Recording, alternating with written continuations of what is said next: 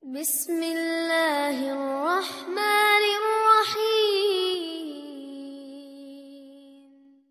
Bagaimana Allah bisa tahu? Allah Maha tahu, tak perlu ditanya bagaimana dia tahu. Lalu kenapa diujinya? Pak Ustaz, kenapa Allah menguji seorang hamba? Apa tak tahu Allah dia beriman atau tidak? Allah Maha tahu. Lalu kenapa diujinya? Allah mau kasih tahu si hamba itu dia layak tidak disebut beriman. Kalau tukang emas kita bawakan cincin emas, kita mau jual, kita bilang ini emas asli. Lalu dia tes, dia bakar pakai api, dia bilang ini asli.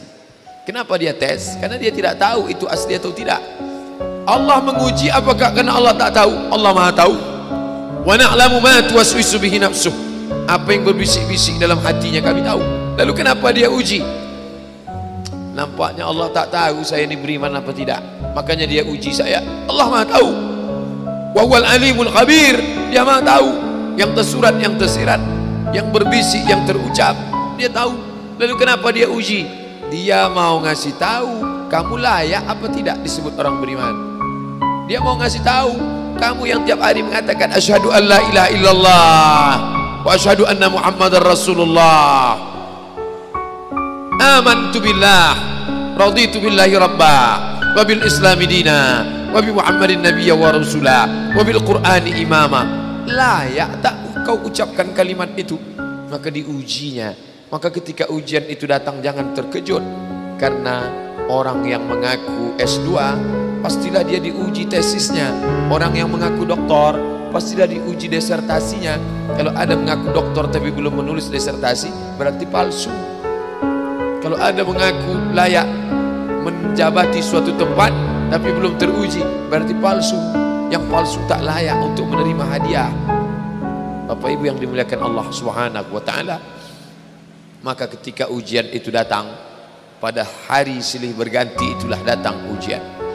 Wala nabluwannakum bisyai'im minal khauf kami uji dia dengan takut. Ujian yang pertama khauf takut yang kaya takut miskin. Yang senang takut susah. Yang sayang pada anak takut anak mati. Yang sayang pada ayah takut. Yang punya istri takut istrinya meninggal. Yang punya suami takut suaminya mendahului dia. Takut.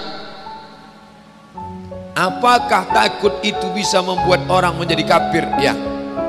Saking takutnya miskin menghalalkan segala cara yang mestinya bukan hak milik dia dipindah alih nama menyogok riswah memakan dengan cara batil mengapa orang menjadi menghalalkan segala cara? Yang pertama karena takut didudukkan di meja hijau pengadilan. Kenapa bapak robah sertifikat nama ini? Apa bapak tak tahu ini melanggar hukum? Saya tahu pak hakim. Lalu kenapa kamu buat? Saya takut miskin saya takut anak saya nanti susah. Akhirnya saya palsukan data-data ini. Betapa rasa takut kalau sudah menguasai orang dia bisa membuat orang menghalalkan segala cara. Seorang istri terlalu takut kehilangan suami bisa jadi dia menjadikan cara-cara yang tidak disyariatkan Allah. Dan danannya tidak lagi menurut tuntunan Al-Quran. Raut wajahnya tidak lagi memakai pakaian yang dibenarkan syariat Islam apa yang membuat orang melakukan perbuatan haram? Takut. Artis ingin eksis di panggung hiburan maka dia buka yang tidak semestinya dilihat oleh bukan mahramnya. Apa yang membuat orang takut? Takut takut takut. Walanabluwannakum bisyai'im minal khauf kami uji kalian dengan rasa takut. Wal ju' lapar. Lapar di mana letak lapar? Perut.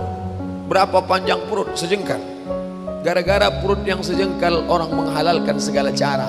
Sejengkal perut sejengkal di atas pusar sejengkal di bawah pusar. Nafsu perut nafsu syahwan kedua-dua nafsu ini membuat orang menjadi menghalalkan segala cara haram. Wala nabluwannakum bisyai'in minal khawf wa naqsim minal amwal wal anfus. Mati. Sakit. Takut mati. Takut sakit. Takut susah takut melarat. Wa thamarat takut buah-buahan hilang. Takut paceklik takut kemarau panjang. Sampai-sampai meminta kepada setan. Sampai-sampai memandikan kucing. Sampai-sampai membuat sajen. Gara-gara apa itu semua? Takut takut takut. Wabashiris sabirin. Berikanlah kabar gembira kepada orang-orang yang sabar. Siapa itu? Alladzina idza asabatuhum musibah orang-orang yang ketika dia ditimpakan ujian itu apa kata mereka? Qalu. Mereka berkata inna lillah wa inna